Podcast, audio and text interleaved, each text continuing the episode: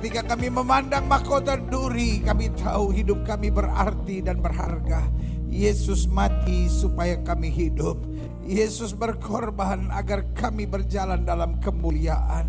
Engkau memikul salib agar kami dapat mengenakan mahkota kemuliaan. Karena di hari Jumat Agung yang penuh berkat Tuhan ini, kami nyatakan dengan bangga, nabi boleh banyak, agama boleh banyak, rasul boleh banyak, juru selamat hanyalah Yesus Kristus Tuhan dan Raja. Haleluya. Haleluya, haleluya, haleluya.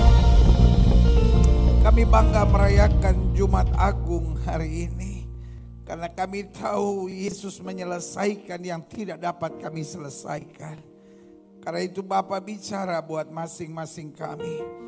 Jemaat Tuhan yang ada di Taman Residence, jemaat Tuhan yang ada di Modo Inding, setiap kami yang buka hati bagi firman-Mu. Tuhan berbicara, nyatakan isi hatimu buat kami. Sehingga kami mengerti kebenaran dan biar kebenaran itu akan memerdekakan hidup kami. Sembuhkan yang sakit Allah. Kuatkan yang lemah. Beri penghiburan buat yang susah. Bebaskan yang terikat. Lepaskan yang terbelenggu. Ulurkan tangan bagi yang membutuhkan mujizat. Sehingga pada saat pagi hari ini haleluya bukan sekedar ibadah Jumat Agung biasa yang kami rayakan. Tetapi pagi ini pagi berkat, pagi ini pagi mujizat, pagi ini pagi lawatan Allah Pagi ini pagi perjumpaan kami dengan Yesus. Lewat roh dan firmanmu dan kami tahu kami percaya. Orang yang berjumpa dengan Yesus tidak pernah akan dikecewakannya. Haleluya. Bersama-sama kita katakan amin. Beri tepuk tangan yang meriah buat Tuhan. Sama-sama bilang Yesus dahsyat. Sama-sama bilang Yesus luar biasa. Sama-sama bilang sekali Yesus tetap Yesus. Uh, berikan tepuk tangan yang meriah buat Tuhan. Silakan duduk. Tuhan memberkati Bapak Ibu Saudara sekalian. Haleluya. Yesus itu baik. Amin. Puji Tuhan. Selamat pagi, selamat siang Bapak Ibu Saudara sekalian. Senang berjumpa saudara siang hari ini di hari Jumat Agung ini.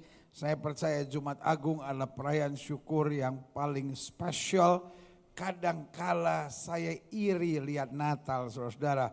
Natal sebulan sebelumnya kita udah rayakan, sebulan sesudahnya masih merayakan Natal. Tapi kalau Jumat Agung sepi. Apalagi tahun ini saudara-saudara, lebih banyak foto dari caleg daripada foto Tuhan Yesus saudara-saudara.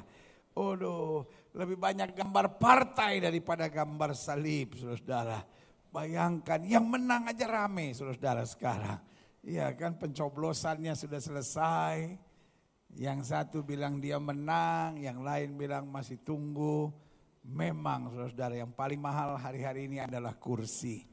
Jadi tolong kalau ada kursi sisa di gereja kirim saja.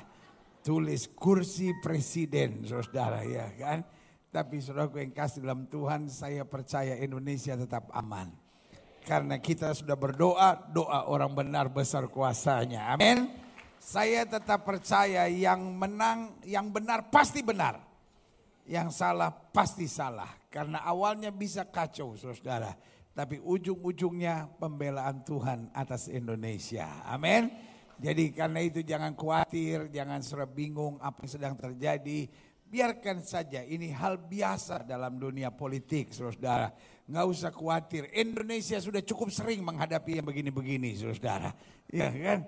Jadi polisi sudah terlatih, tentara sudah terlatih, tapi di atas segalanya malaikat Tuhan di sorga tertawa-tertawa. Oh begini, so biasa kita menghadapinya.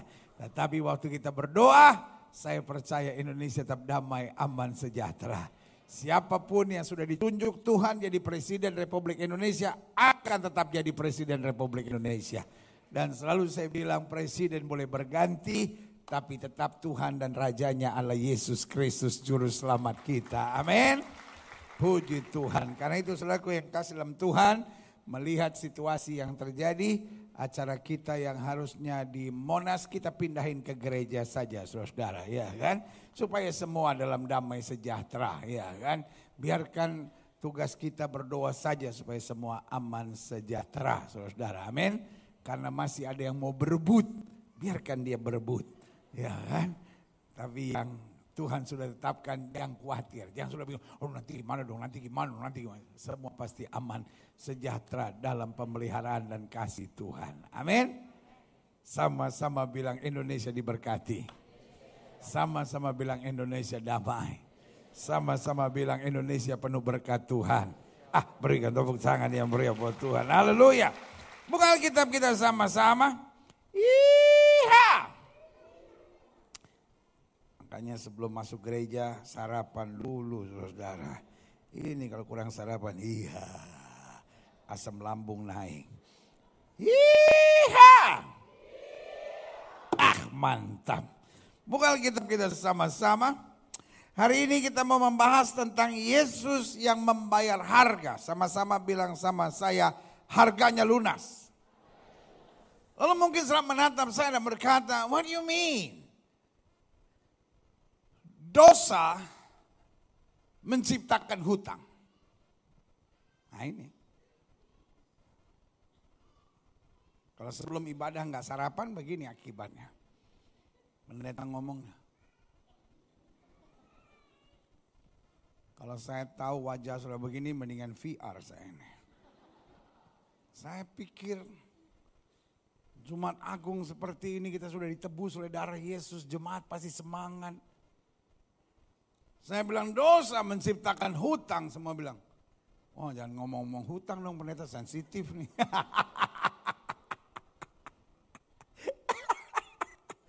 dosa menciptakan apa? Hutang. Nah hutang membawa kita pada sebuah keadaan tuduhan dan penjajahan. Betul? Karena waktu kita ada hutang, kita punya keadaan apa tertu? Tertuduh. Mungkin saya menatap saya dan bilang, saya enggak tuh. Emang muka tebal beda. Ya kan? Orangnya kalau memang panggil. ada yang ngeliatin saya soal gini. Enggak tuh saya ngutang gak pernah rasa tertuduh. Ya memang ada orang yang muka tebal yang mau diapain. Saudara ya kan? Hutang membawa kita pada sebuah keadaan apa tertuduh dan apa terjajah. Sama-sama bilang sama saya tertuduh dan terjajah. Dan iblis kata Alkitab adalah pendakwa yang akan mendakwa kita siang dan malam di hadapan Tuhan. Dia dakwa kita dengan masa lalu kita, dia dakwa kita dengan kegagalan kita, dia dakwa kita dengan kekurangan kita, dia dakwa kita dengan segala keterbatasan kita, dia dakwa kita dengan kesalahan-kesalahan kita, dia buat hidup kita tidak nyaman. Tetapi izinkan saya mengingatkan buat saudara, itu sebabnya dengan bangga kita merayakan Jumat Agung. Karena di Jumat Agung kita tahu apa yang Yesus deklarasikan, sudah selesai. Dan kalau Yesus bilang sudah selesai, artinya sudah selesai. Berikan tepuk tangan yang meriah buat Tuhan. Kalau ada orang fitnah saudara tentang masa lalu saudara, orang fitnah saudara tentang kekurangan saudara, yakinkan diri saudara, Yesus bilang sudah selesai. Amin. Ini yang kita mau belajar hari ini. Buka kitab kita sama-sama. 1 Korintus 7 ayat 20 sampai 23. Baiklah dikatakan tiap-tiap orang apa? Tinggal dalam keadaan seperti waktu ia dipanggil Allah. Sama-sama bilang sama saya, Yesus terima saya padanya. Amin. Yesus terima kita apa adanya.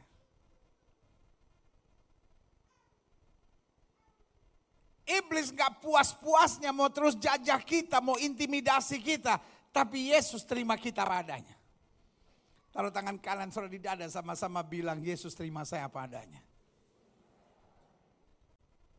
Waktu kita merayakan Jumat Agung tidak ada alasan untuk kita minder. Betul kita ada kekurangan, betul kita ada kelemahan, betul kita ada keterbatasan, tapi Yesus terima kita padanya. Makanya lihat ayat ini. Adakah kau hamba waktu kau dipanggil? I'm proud of my Bible. Adakah kau hamba waktu kau dipanggil? Itu tidak apa-apa. Apakah kau pernah jatuh? Apakah kau pernah gagal? Apakah kau pernah tertekan? Apakah kau pernah dikuasai oleh kegelapan? Ayat ini bilang itu tidak apa-apa. Makanya selalu saya percaya. Gereja harus stop ngomongin masa lalu orang, gereja harus stop ngomongin kekurangan orang, gereja harus stop jadi CNN rohani. Kan kadang-kadang orang gereja kan gitu, eh tahu gak sih, iya, itu dari dulu kan, memang tuh kan saya kenal dia, memang hmm, bini orang dia, oh yang benar, Wih, dia kan ngambil laki orang, iya tuh kan dari dulu kan. Saya udah tahu, makanya lu gak lihat, kalau dia jalan modelnya, cuk, cuk, cuk, cuk, dari dulu modelnya begitu.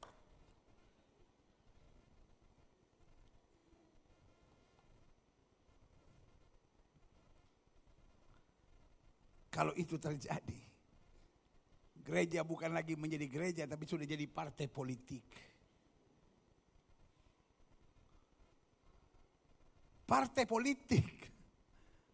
Sesama orang aja saling ngomongin satu sama lainnya. Betul nggak?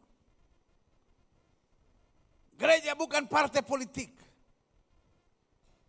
Gereja adalah tempat di mana hanya nama Yesus yang kita tinggikan dan kita agungkan saja. Yang setuju berikan tepuk tangan yang meriah buat Tuhan.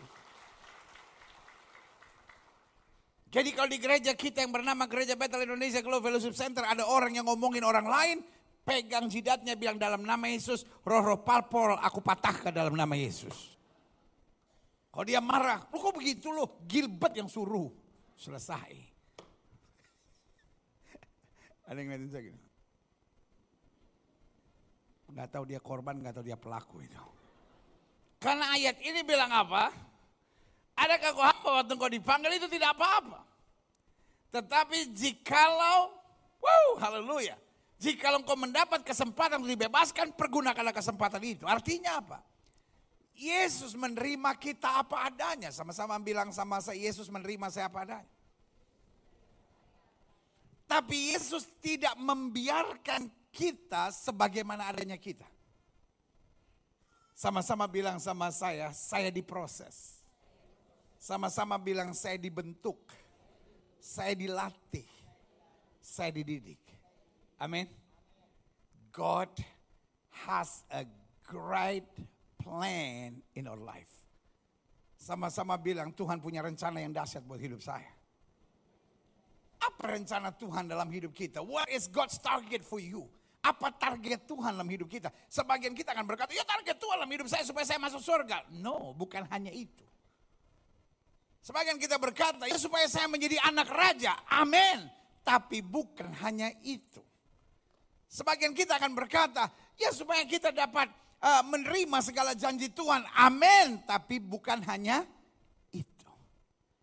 What is God's target? Apa target Tuhan dalam hidup kita? Kalau sudah baca dalam Alkitab jelas dikatakan supaya kita akan memerintah bersama dengan Yesus sampai selama-lamanya. Berikan tepuk tangan yang meriah buat Tuhan. Amin. Orang Papua bilang kau pikir memerintah gampang kah? Amin. Iya kan? Keadaan pemilu yang terjadi hari-hari ini. Kenapa orang ribut? Karena masing-masing mau apa memerin? Memerintah. Dan Yesus bilang supaya kamu akan memerintah bersama dengan aku. Jadi kalau saya menatap saya dan bilang, aduh pendeta kenapa yang pendeta jadi Kristen tantangannya berat? Kenapa yang saya mau melayani Tuhan? Kenapa saya mau hidup suci? Kenapa saya mau bangun keluarga saya benar? Kenapa saya mau masa muda saya sungguh-sungguh? Kenapa saya mau melayani Tuhan tantangannya berat? Karena target Tuhan besar dalam hidup kita. Amin. Sorry kalau saya pakai perbandingan ini. Seleksi untuk jadi Satpol PP Tahu Satpol PP kan? Yang beresin kaki lima, kaki lima. Untung ada Satpol PP. Seleksi untuk jadi Satpol PP sama seleksi untuk jadi jenderal sama enggak? Beda bos. Beda. Kalau seleksi jadi Satpol PP, asal punya orang dalam udah lumayan. Iya kan? Makanya orang Manado bilang Ngoni hari minggunya masuk gereja. Hari-hari cuma mabo. Pacarannya karu-karuan ngoni. Tiba-tiba ngoni bilang mati mau masuk surga. Ngoni itu ada orang dalam.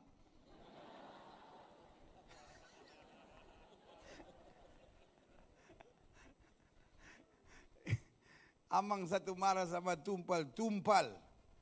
Kau ini tidak pernah masuk gereja. Hari-hari kau mabuk berkelahi. Sekarang kau bilang kau mati masuk surga. Kau pikir kau punya kenalan orang dalam apa? Saudaraku yang kekasih dalam Tuhan. seleksi untuk masuk Satpol PP asal ada orang dalam aja udah lumayan. Punya aman yang kadis aja. Tinggal datang kan, ponakan gua ngasih masuk lah. Oh ya bos, mas. Saringan apa? Satpol PP. Tapi kalau saringan jenderal, usah. Betul? Makanya kalau saudara menatap saya dan bilang, aduh puji Tuhan pendeta, saya selama jadi orang Kristen gak ada tantangan, gak ada pergumulan, semua dilancarkan Tuhan. Satpol PP Kristen.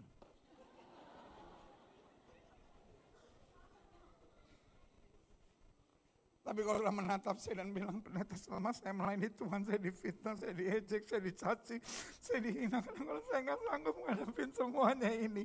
Jenderal. Ya, kan? Ini yang bengong-bengong ini Satpol PP semua. Siap dapat tantangan? Siap dapat pergumulan? Siap menghadapi masa-masa yang sukar dan tetap setia? Wuh, berikan tepuk tangan dia mereka buat Tuhan. Nah, makanya ayat ini bilang apa? Coba coba. Ada kan kau hamba waktu kau dipanggil? It doesn't matter. Itu tidak apa-apa. Iya kan?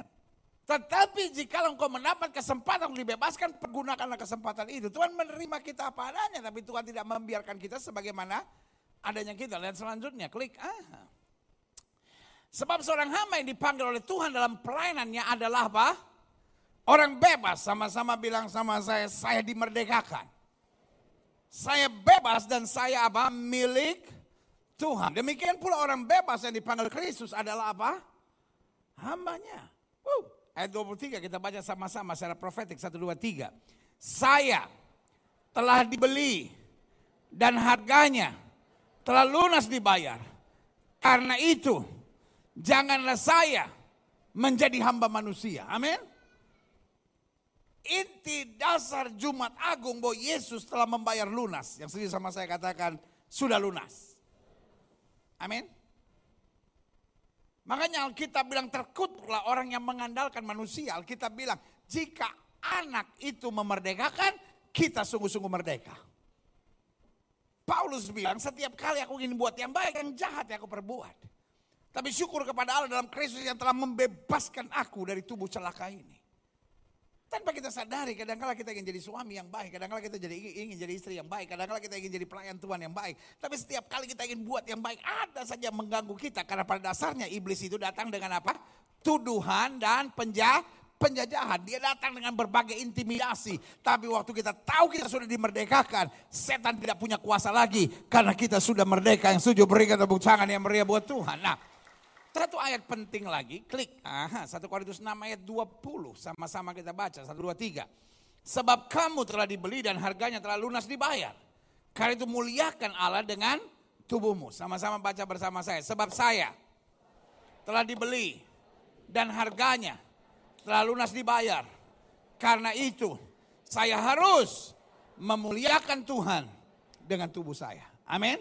Nah, Kesimpulan awal saya, saya catat di sini begini, Jumat Agung ala perayaan syukur karena Yesus telah membayar harganya dengan lunas. Nah, saudaraku yang kasih dalam Tuhan, saya percaya Jumat Agung itu penting. Saya nggak habis pikir kalau ada orang Kristen merasa Jumat Agung dan Paskah ini adalah hari libur panjang. Saya nggak habis pikir kalau ada orang Kristen Jumat Agung tidak ke gereja. Jalan-jalan ke taman safari. Monyet lihat dia syok. Hah? Lu gak ke gereja? Sama kayak gua.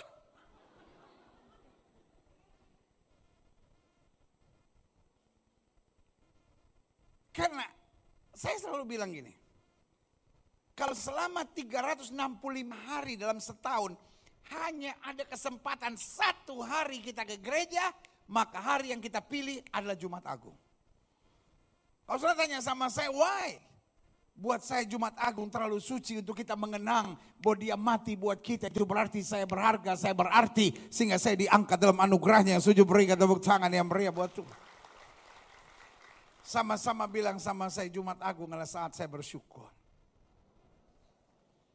Kenapa kita bersyukur? Coba lihat ini, klik.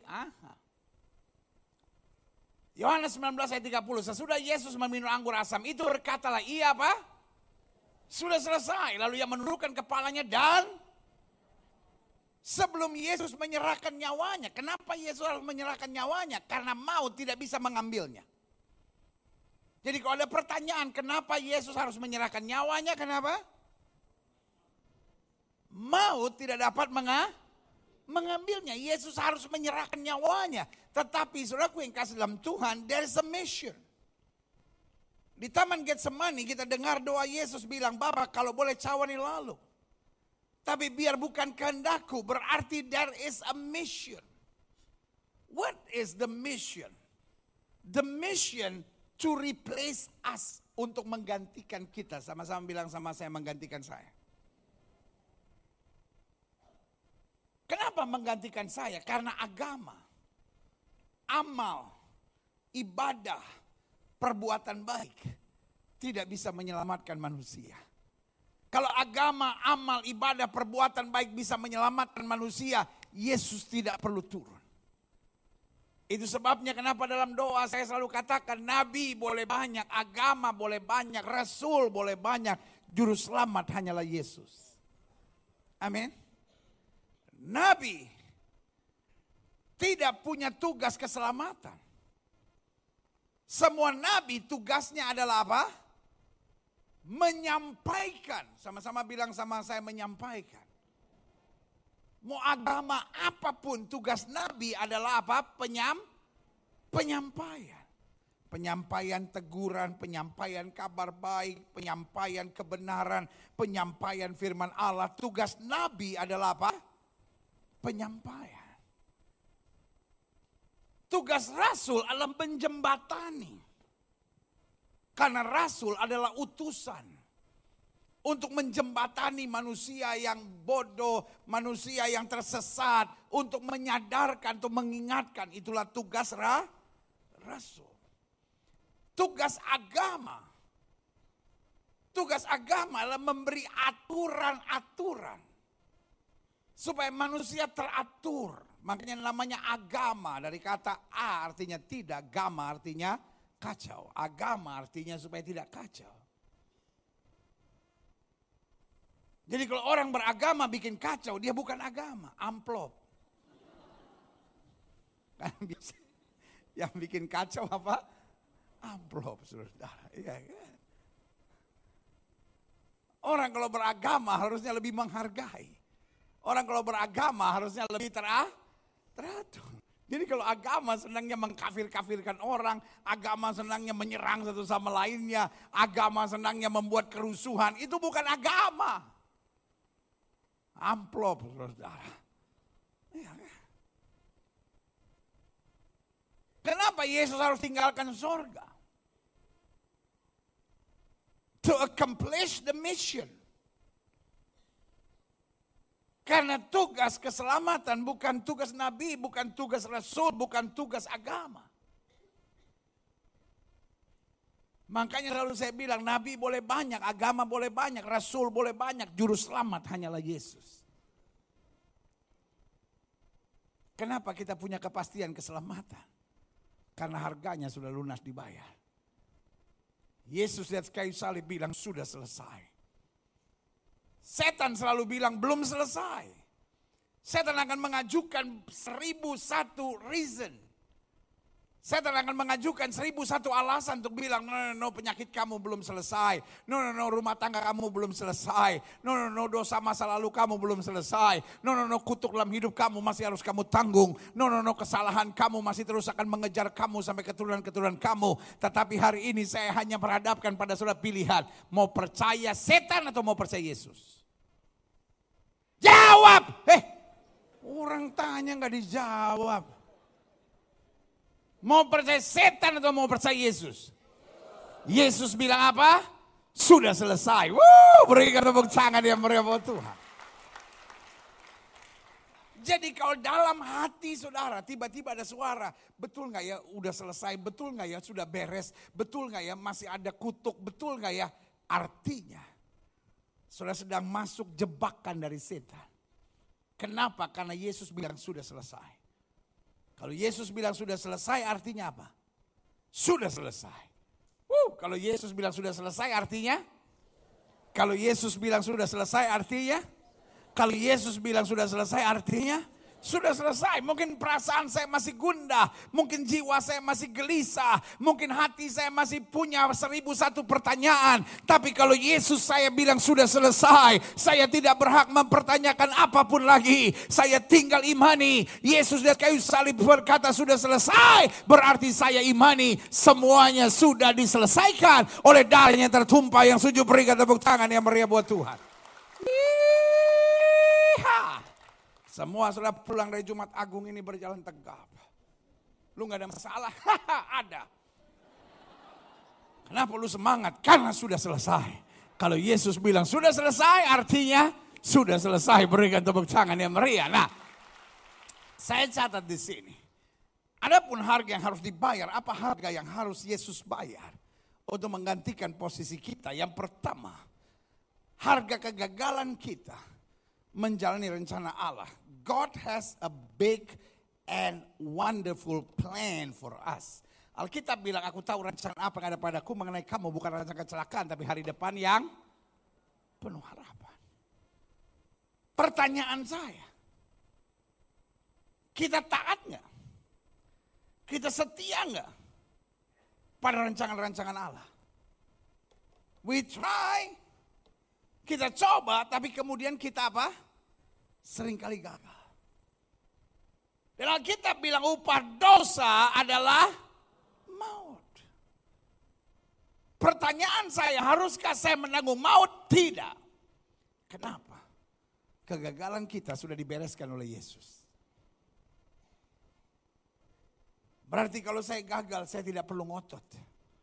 Kalau saya gagal, saya tidak perlu tertekan. Kalau saya gagal, saya tidak perlu salahin orang. Kalau saya gagal, saya tidak perlu dendam dan sakit hati. Kalau saya gagal, saya tidak perlu berontak dan tertekan. Kalau saya gagal, saya berlutut di kaki Tuhan dan berkata, Tuhan ini hidupku. Tuhan tidak hitung berapa kali kita gagal. Tapi Tuhan lihat kalau kita bangkit dan siap berjalan dalam jalan terangnya. Berikan tepuk tangan yang meriah buat Tuhan. Gereja bukan kumpulan orang-orang hebat yang tidak pernah gagal. Tapi gereja adalah kumpulan orang-orang yang pernah gagal tetapi sadar kemuliaan Tuhan dahsyat dan luar biasa. Amin. Saya ulangi sekali lagi, gereja bukan kumpulan orang-orang hebat yang tidak pernah gagal.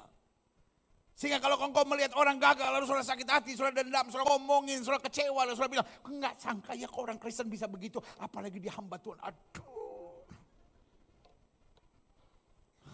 Lu akan sakit hati seumur hidup kalau begitu. Gereja bukan kumpulan orang-orang hebat yang tidak pernah gagal. Tapi gereja kumpulan orang-orang biasa yang penuh dengan kegagalan. Tetapi banggakan rahmat Tuhan dan kayu salib. Sehingga kalaupun dia gagal, dia bangkit, dia berjuang. Dia tidak mengulangi kegagalan yang sama dan percaya bahwa kemuliaan Tuhan mengatasi segala sesuatu. Berikan tepuk tangan yang meriah buat Tuhan. Yang kedua, harga yang harus saya bayar. Yang kemudian diambil alih oleh Kristus. Itu harga pemberontakan kita terhadap aturan dan firman Allah. Di Taman Getsemani Yesus bilang, biar bukan kehendakku yang jadi, tetapi kehendakmu yang terjadi. Kemudian dia ingatkan murid-murid berdoa dan berjagalah, supaya kamu jangan jatuh dalam pencobaan. Roh memang penurut, tapi daging lemah. Apa lawan kata dari penurut? Tidak penurut. Mantap. Apa lawan kata dari siang? Tidak siang. Mantap. Apa lawan kata dari pergi? Tidak pergi. Woo, haleluya. Lu sekolah di mana lu?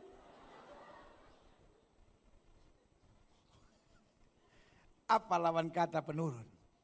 Pemberontak. Jadi kalau roh adalah penurut, berarti kalau saya hidup dalam daging jiwa saya pemberon, pemberontak. Istri memberontak bukan karena suaminya kebangatan. Suami memberontak bukan karena istrinya cerewet. Pelayan-pelayan Tuhan memberontak bukan karena uh, gereja itu nggak nyaman, tetapi orang berontak karena rohnya terikat dengan kedah kedagingan. Setiap pemberontakan-pemberontakan kita dipakukan Yesus atas kayu salib.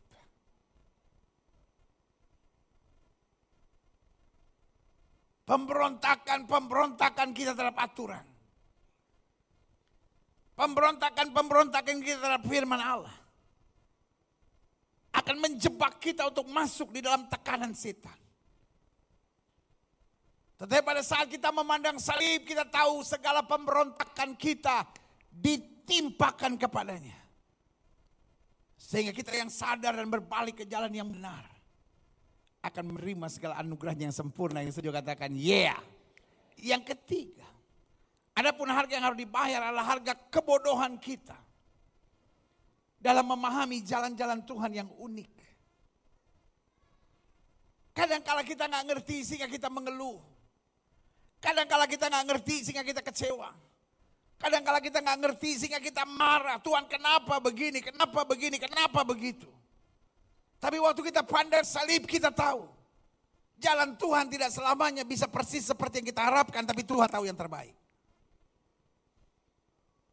Orang yang mengerti salib tidak ada waktu untuk mengeluh dan bersungut. kalau saya jadi saudara pasti saya udah bilang amin. Tapi kan lucu, saya khotbah masa saya amin sendiri.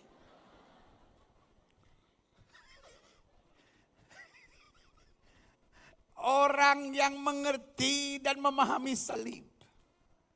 Tidak punya waktu untuk mengeluh dan bersemut. Lumayan. 48 orang akhirnya mulai sadar. Orang yang mengerti dan memahami salib tidak ada waktu untuk mengeluh dan bersungut. Karena dia ingat betapa dahsyatnya Tuhan, betapa luar biasanya kasihnya, betapa dahsyatnya tanggung jawab Tuhan yang sujud berikan tepuk tangan yang meriah buat Tuhan.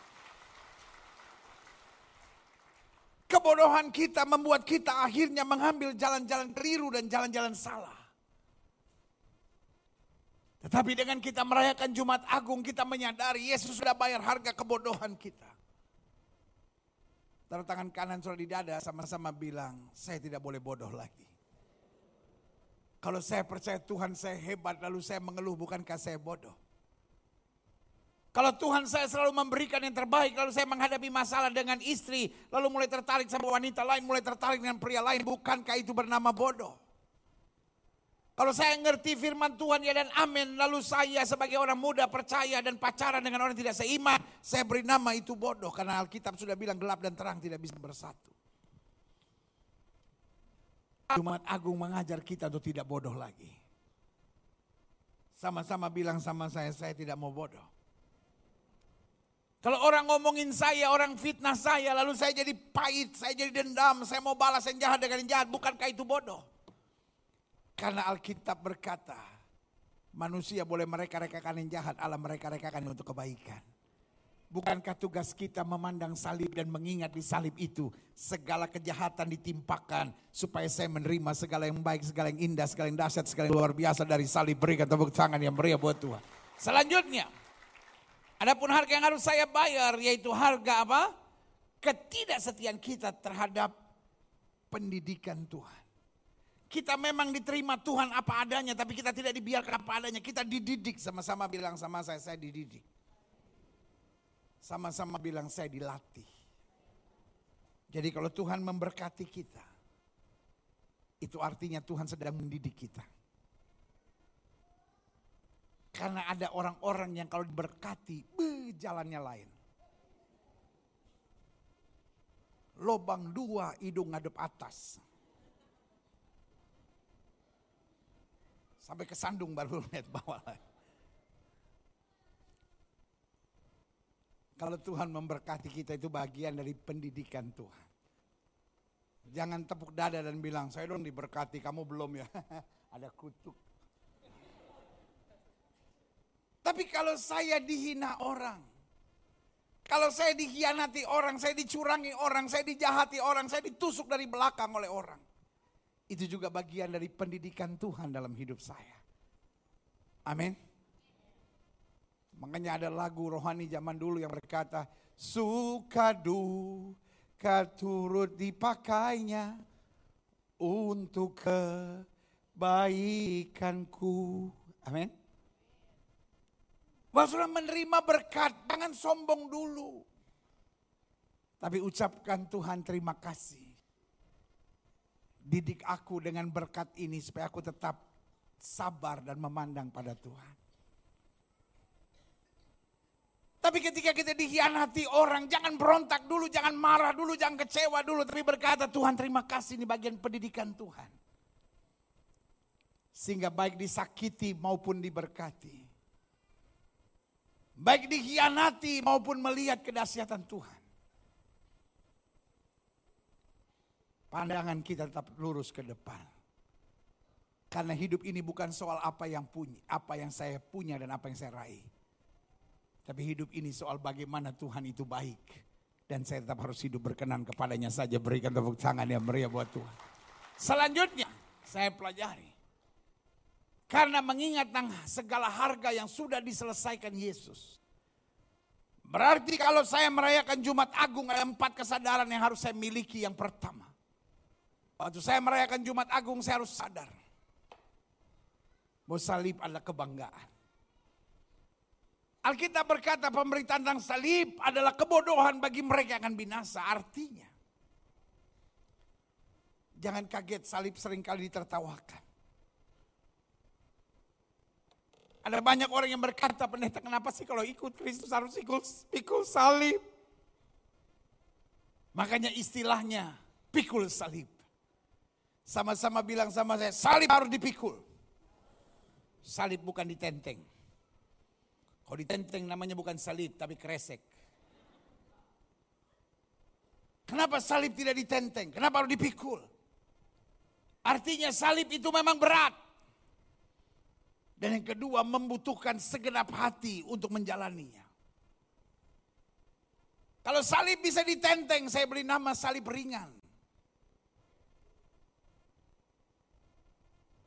Tetapi salib adalah kebanggaan. Meskipun saya harus pikul. Saya pikul dengan langkah tegap. Saya pikul dengan langkah bangga. Karena saya tahu di salib itu ada kemenangan dan kemuliaan yang Tuhan sediakan buat kita. Berikan tepuk tangan yang meriah. Kalau kau pikul salib jangan menangis. Kalau kau pikul salib jangan marah. Wah hidup Kristen harus terus pikul salib. Kalau kau pikul salib banggalah. Karena ini adalah kemenangan dan kemuliaan saya yang setuju katakan pikul salib itu dahsyat. Jangan jadi Kristen yang cengeng. Karena God has a special plan for you. Sama-sama bilang Tuhan punya rencana dahsyat buat saya. Makanya kita dilatih. Kita dipersiapkan dengan salib. Supaya salib menjadi kebanggaan buat kita. Amin. Pertanyaan saya, pemimpin boleh cengeng nggak? Memerintah bersama dengan Yesus bisa cengeng nggak? Contoh. Hari ini yang jadi presiden siapa? Hari ini yang presiden, masa sudah bingung sih? Belum dilantik. Hari ini yang real, real presiden Indonesia ini siapa? Menurut quick count siapa yang menang? Tiba-tiba menurut versi Kertanegara siapa yang menang? Pertanyaan saya Jokowi nangis nggak? Jokowi bilang nggak? Masa dia kan yang menang. Masa dia bilang dia presiden. Nggak terima.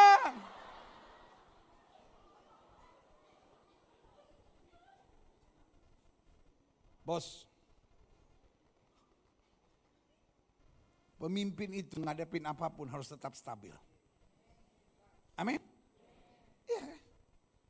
Kalau engkau dilatih oleh Tuhan untuk turut memerintah bersama dengan Kristus. Masa baru dikhianati orang, masa baru difitnah. Tuhan saya udah gak kuat Tuhan, ajar dia Tuhan. Malaikat bilang, nye nye nye nye nye nye.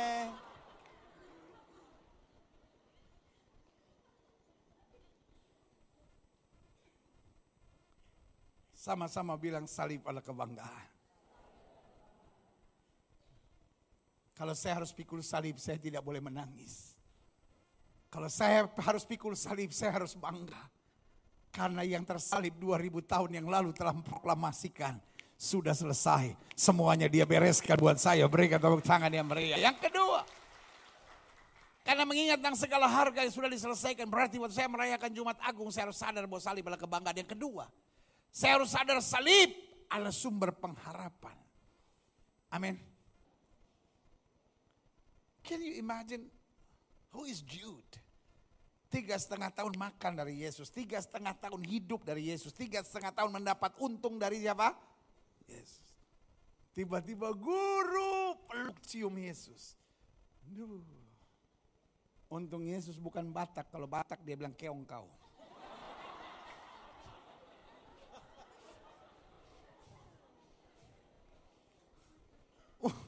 Untung Yesus bukan orang Surabaya. Kalau Yesus orang Surabaya udah kena dia. Wasu gue.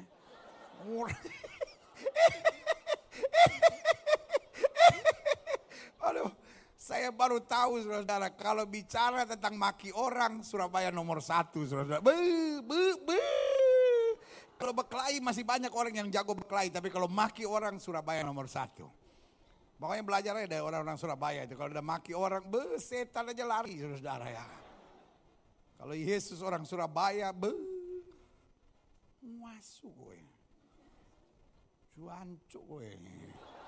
Habis itu dimaki-maki, habis, habis selesai itu.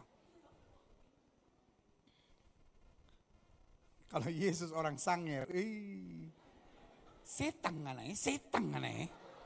Ngana pe mulut rupa manis, ngana polo-polo pakita, ngana pe hati setan ngana ini. Habis.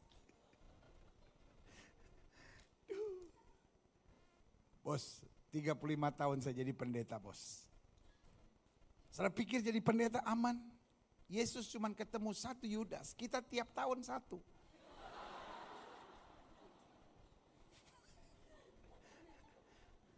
So I know Kira-kira perasaan Yesus gimana? Tiga setengah tahun ini orang makan dari Yesus, hidup dari Yesus. Tiba-tiba polo padia. Ciong. Tiba-tiba Yesus bilang apa? Hai teman, untuk itu kan kau datang. Duh, kalau kita itu udah serangan jantung.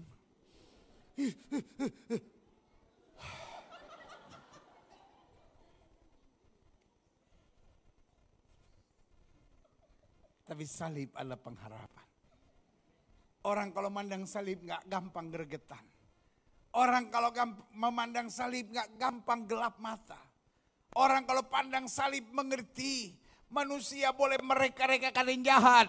Allahku mereka-rekakannya untuk kebaikan. Berikan tepuk tangan yang meriah. Yang ketiga, saya pelajari karena mengingat tentang segala harga yang telah sudah diselesaikan. Berarti kalau saya merayakan Jumat Agung saya harus sadar. Salib adalah sumber ide-ide dan kekuatan. Kalau saya pandang salib,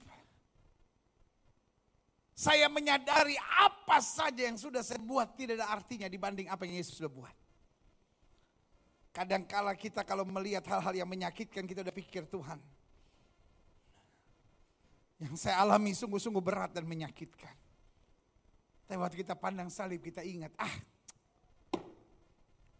yang saya harus tanggung tidak ada apa-apanya dibanding yang Yesus sudah tanggung buat saya. Salib memberi semangat. Sama-sama bilang sama saya salib memberi semangat. Saudara-saudara yang mungkin sedang menghadapi keadaan yang sangat rusuh dalam hidup saudara. You don't know what to pray. Saudara nggak tahu mesti buat apa. Ini saran saya. Tutup mata berlutut. Kalaupun kita nggak ngomong apa-apa minimal kita ingat salib. Kita ingat apa yang Yesus sudah kerjakan di atas kayu salib buat kita. Maka kita akan bangkit dan berkata apa pun yang aku hadapi tidak ada apa-apanya dibanding kemuliaan yang sudah aku terima dari salib itu. Berikan tepuk tangan yang meriah buat Tuhan. Dan yang keempat, yang terakhir, saya undang pemain musik maju ke depan. Karena mengingat tentang segala harga yang sudah diselesaikan di atas kayu salib. Berarti waktu saya merayakan Jumat Agung, saya harus sadar yang pertama salib adalah kebanggaan. Yang kedua, saya harus sadar bahwa salib adalah sumber pengharapan. Yang ketiga, saya harus sadar bahwa salib adalah sumber ide-ide dan kekuatan. Mendatangkan semangat baru buat kita. Dan salib adalah sumber kepastian kita. Kepastian bahwa segala kutuk sudah diselesaikan Kepastian bahwa segala berkat sudah disediakan. Kepastian bahwa segala mujizat pasti terjadi. Dan segala kepastian bahwa kita akan terus naik dan melihat dia dalam kemuliaan yang semakin besar. Selamat menyambut Paskah. Tuhan memberkati setiap kita. Saya undang kita semua bangkit berdiri.